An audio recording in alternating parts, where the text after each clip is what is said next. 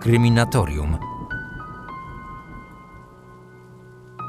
Pod koniec sierpnia 1955 roku w Gdyni dokonano przerażającego odkrycia.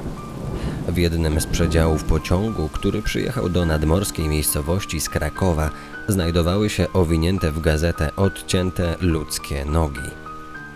11 dni później we Wrocławiu znaleziono korpus należący do tej samej kobiety. Nie było jednak dokumentów ani głowy. Przez wiele miesięcy próbowano ustalić tożsamość denatki. Przesłuchiwano świadków oraz regularnie sprawdzano zgłoszenia dotyczące zaginionych kobiet.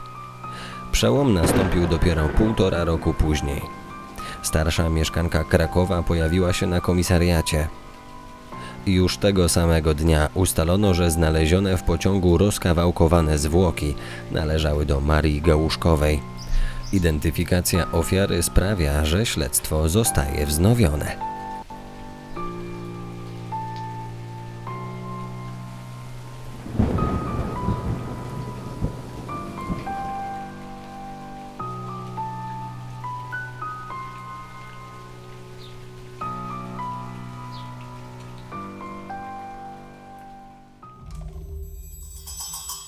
Kryminatorium.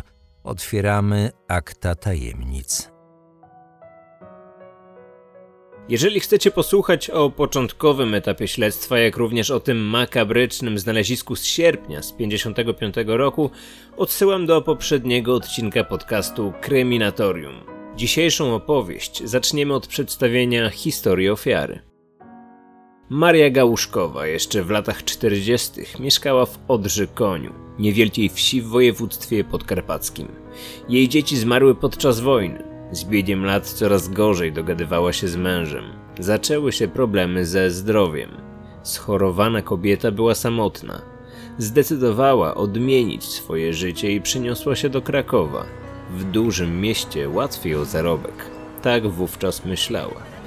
Zajmuje się tam obnośnym handlem. Przy starym rynku sprzedaje produkty: papierosy, cytryny, czekolada. W ten sposób zarabia na życie. Na początku stróże prawa sprawiają jej nieco problemów, ale od 1948 roku kobieta dostaje pozwolenie na prowadzenie stoiska z gazetami i papierosami. To dobry okres dla Gałuszkowej. Z jej stanem zdrowia co prawda nie jest najlepiej, ale codzienna praca i kontakt z ludźmi daje jej poczucie tego, że jest komuś potrzebna, a dzięki temu jest w stanie całkiem nieźle zarobić. Wygląda na to, że trudna decyzja związana z wyjazdem do Krakowa była dobrym pomysłem. Na początku mieszka w domu starców, jednak wczesne wyjścia do pracy i późne powroty zaczynają przeszkadzać innym lokatorom. Zmienia miejscówkę na mieszkanie u znajomej. Niestety, tam również nie grzeje miejsca zbyt długo. Szuka nowej kwatery. Znajduje pokój na ulicy Zwierzynieckiej i to właśnie tam spędzi swoje ostatnie chwile przed śmiercią. Pod koniec 1948 roku Gałuszkowa poznaje pewnego mężczyznę. To znacznie młodszy od niej Stanisław Wójcik. Zaczęło się od wymiany kilku zdań. Dopytywał o zdrowie i rodzinę. Z czasem pomagał przynosić towary. Pomiędzy straganiarką i młodym mężczyzną wywiązała się pewna więź. Nić porozumienia była tym silniejsza, iż młodzieniec miał być studentem medycyny. Gałuszkowa czuła, że z miesiąca na miesiąc z jej stanem zdrowia jest coraz gorzej. Może te nowoczesne metody leczenia, które dopiero wchodzą do Polski i o których na pewno uczy się każdego dnia Stanisław, pomogą jej za jakiś czas przetrwać ból i wrócić do pełni zdrowia. Stanisław pasował do wizerunku doktora. Oczytany, inteligentny, przechodząc przez stary rynek, na głowie często miał studencką czapkę, a spod płaszcza wystawał biały kitel. Już jako student pracował w klinice. Pomimo wielu obowiązków, regularnie pomagał staruszce w prowadzeniu interesu. Opiekował się nią, przynosił lekarstwa, mierzył ciśnienie.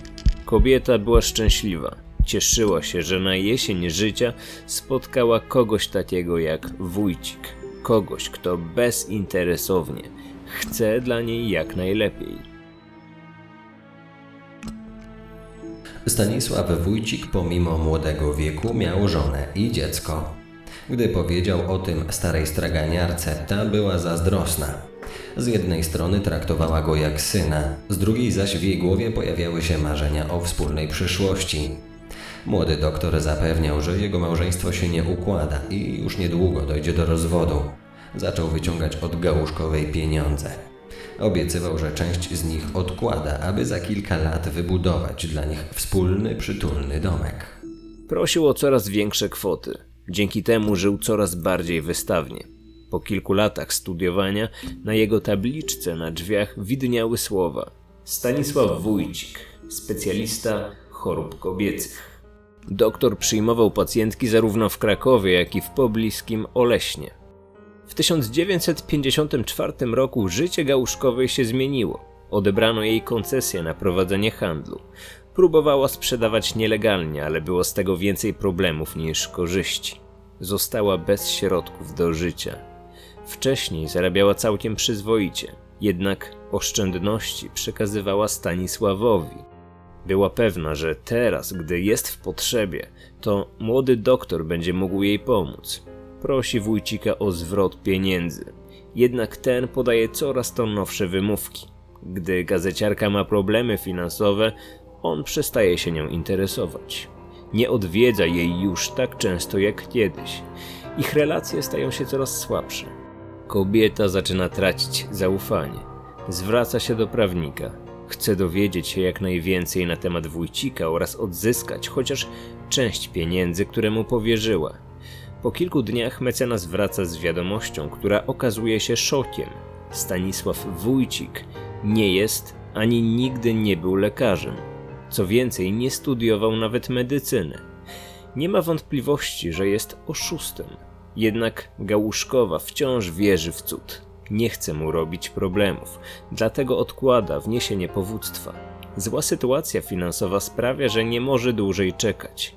Chce wyegzekwować 116 tysięcy złotych. Właśnie taką kwotę w przybliżeniu powierzyła młodemu, fałszywemu doktorowi. Prawnik, który zajmuje się sprawą, dogaduje się z wójcikiem. Mają zawrzeć umowę i pod koniec sierpnia pieniądze mają wrócić do kobiety. Jak się pewnie domyślacie, wójcik zamiast oddać pieniądze zdecydował się inaczej rozwiązać swój problem. Ale nie wyprzedzajmy faktów. Tak naprawdę problemem nie są już tylko pieniądze. Gałuszkowa oraz jej prawnik poznali największą tajemnicę wójcika. Jeżeli prawda o tym, że nie jest on lekarzem, rozniesie się w okolicy, będzie skończony. Nie będzie mieć z czego żyć, ponieważ nikt nie przyjdzie na konsultację do fałszywego doktora. Ponadto grozić mu będzie sąd. Nie mówiąc już o wielkim wstydzie, z jakim będzie się musiał mierzyć do końca swoich dni. To wtedy pojawia się pomysł zabicia staruszki. Pierwszą próbę podejmuje już w lipcu. Pomimo napiętej sytuacji, para wciąż utrzymuje kontakt. Stanisław nie jest co prawda lekarzem, ale jednak przez ostatnie lata nabrał trochę doświadczenia. Odwiedza Marię w jej domu i podaje kilka pastylek. Po jego wyjściu kobieta słabnie. Pogotowie odwozi ją do szpitala. Wówczas nie wykryto próby otrucia, ale wójcik wiedział już, że następne podejście musi być bardziej przemyślane. Kolejnym razem decyduje się przystąpić do działania we własnym mieszkaniu. Terminem ma być 29 sierpnia. Na ten dzień przygotowuje sobie alibi. W momencie dokonania zabójstwa ma być zajęty czynnościami lekarskimi. Wcześniej uspokaja także czujność prawnika, którym ma wnieść wobec niego powództwo. Zapewnia, że odda pieniądze i chce załatwić wszystko bez problemów. Gałuszkowej z kolei obiecuje znalezienie miejsca w ośrodku. Kobieta od dłuższego czasu marzyła o tym, aby wyjechać do sanatorium. Jej doktorek, bo tak czasami pieszczotliwie go nazywała, miał załatwić taki wyjazd. Obiecuje jej, że zawiezie ją do ośrodka 29 sierpnia. Maria jest bardzo szczęśliwa. W jej głowie pojawiają się nawet wyrzuty sumienia. Może i Stanisław nie jest prawdziwym lekarzem, ale rzeczywiście chce dla niej jak najlepiej. Na początku poprzedniego odcinka, gdy wprowadzałem Was w temat całej sprawy, wspominałem o burzy. Teraz przyszedł czas na powrót piorunów. W dniu zabójstwa, czyli 29 sierpnia 1955 roku nad Krakowem panowała burza. Rozpoczęła się o 13.20 i trwała przez 3 godziny. To właśnie w tym czasie Wójcik dokonał makabrycznego mordu. Najpierw zamówił taksówkę na ulicę Zwierzyniecką. Właściwie nie wiadomo, czy była to taksówka, czy może dorożka. Nie udało się dotrzeć do kierowcy pojazdu. Nie wiemy również, czy kobieta pojechała z nim dobrowolnie, czy została zmuszona. Z ulicy Zwierzynieckiej jadą na ulicę Długą, do domu Wójcika. Mężczyzna mieszka wraz z żoną i dzieckiem oraz innymi rodzinami. Wówczas nie ma tam pozostałych lokatorów. Wszyscy są w pracy. Jedyna niepracująca kobieta wyszła do sklepu. Są zupełnie sami. Doktor ma zrobić jeden zastrzyk. Dawka witaminy przed wyjazdem do ośrodka. Gdy kobieta zasnęła, poderżnął jej gardło. Krew spływa do miski. Wójcik wynosi płyn z pokoju. W tym czasie natyka się na współlokatorkę, która wróciła ze sklepu do domu. W przedpokoju panuje półmrok. Kobieta widzi, że w niesionej miednicy znajduje się płyn o ciemnym zabarwieniu, jednak nie spostrzega, że jest to krew. I taka myśl nie przychodzi jej nawet do głowy. Wójcik zna zwyczaje domowników. Wie, że jedyna obecna w domu lokatorka za chwilę wyjdzie na spacer z dzieckiem. Ma kilkanaście minut. Dopiero wtedy będzie mógł dokończyć swoje dzieło i pozbyć się zwłok.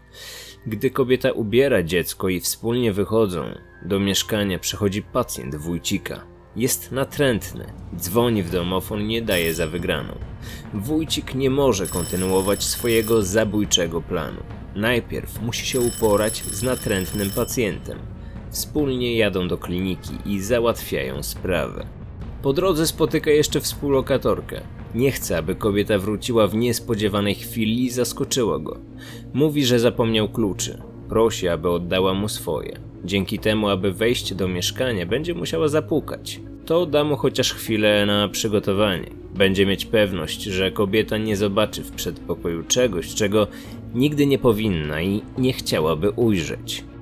Po powrocie fałszywy doktorek z Krakowa zabiera się za kawałkowanie zwłok. W tym samym czasie nad miastem panuje burza. Ulewny deszcz i grzmoty zagłuszają wszystko.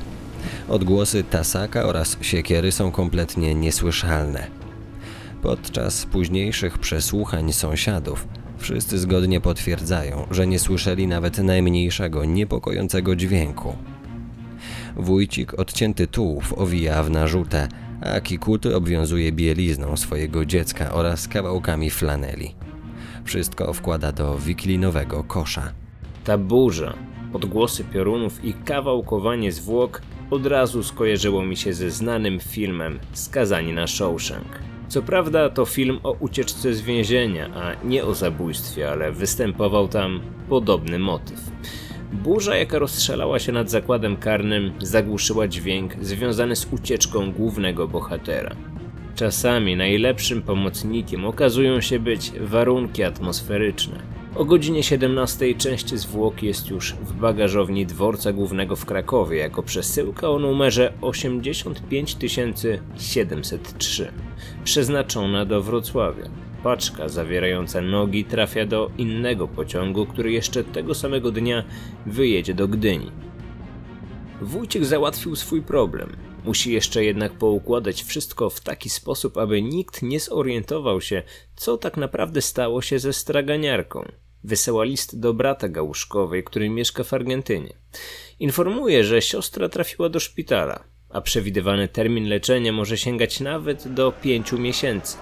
Prosi o wysłanie leków pod wskazany adres. Mężczyzna nadaje taką paczkę. Wójcik o wizycie w szpitalu powiadamia także sąsiadkę Gałuszkowej. Jednocześnie pobiera w imieniu Marii przychodzącą do niej korespondencję. Z czasem zaczyna sugerować, że Gałuszkowa na oddziale poznała innego opiekuna i zerwała kontakt z wójcikiem. Jednocześnie daje do zrozumienia, że wciąż się o nią martwi. Dopytuje, czy może kontaktowała się z sąsiadką. Po jakimś czasie opowiada, że Maria zmieniła placówkę medyczną, a później wyjechała do bliskich. Od tego czasu nie ma z nią kontaktu. Tymczasem brat z Argentyny nie otrzymuje żadnej odpowiedzi od siostry. Jest zaniepokojony. kontaktuje się z bratem mieszkającym w Odrzykoniu, prosząc, aby pojechał do Krakowa i sprawdził całą sytuację. Tak też się stało. Brat zaginionej spotyka się z wójciciem, ale nie dowiaduje się niczego nowego. Sąsiadki nabierają podejrzeń. Gałuszkowa zniknęła nagle, kompletnie zerwała kontakt. Coś mogło się stać. Już w grudniu 55 roku brat Gałuszkowej zgłosił jej zaginięcie na milicję. Niestety wówczas nie połączono tego faktu ze znalezionymi kilka miesięcy wcześniej zwłokami. Pomimo tego, że funkcjonariusze na bieżąco sprawdzali informacje o zaginionych kobietach, ktoś musiał przeoczyć zgłoszenie o zniknięciu Gałuszkowej, przez co sprawa czekała na wyjaśnienie kolejne długie miesiące. Z Marią Gałuszkową nie było co prawda żadnego kontaktu, ale jej prawnik nie zaprzestał działań i we wrześniu 55 roku wniósł powództwo przeciwko Wójcikowi o spłatę 116 tysięcy złotych. Pierwszy termin rozprawy wyznaczono na 15 listopada. Postępowanie zawieszono, ponieważ z Marią nie było kontaktu. Milicja zidentyfikowała zwłoki dopiero w 57 roku. Wówczas przeprowadzono rozmowy z mieszkańcami kamienicy na ulicy Zwierzynieckiej, na której mieszkała Maria. Wciąż padało jedno nazwisko Wójcik. Młody lekarz, który przed zaginięciem opiekował się kobietą i załatwił jej nawet wyjazd do sanatorium, z którego Gałuszkowa już nie wróciła. Wiele faktów zaczęło się ze sobą łączyć. Milicjanci odkryli również wniesione przeciwko niemu powództwo. Chodziło o duże pieniądze, wystarczający motyw, aby kogoś zabić. W dodatku w milicyjnych dokumentach trafiono na list, który Wójcik wysłał do brata zaginionej do Argentyny. Ten dokument trafił w ręce funkcjonariuszy podczas zgłoszenia jej zaginięcia. Wójcik staje się głównym podejrzanym.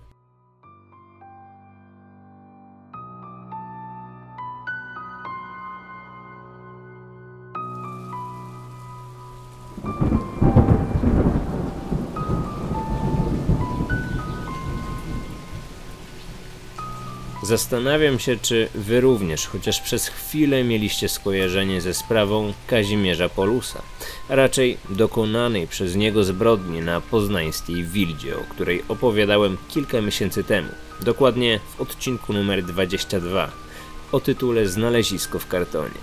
Ten sam motyw zbrodni. Chodziło o pożyczone pieniądze. Podobny pretekst. Sprawca obiecał wyjazd do Skandynawii Zabójstwo we własnym domu, rozkawałkowanie zwłok i pozbycie się ciała.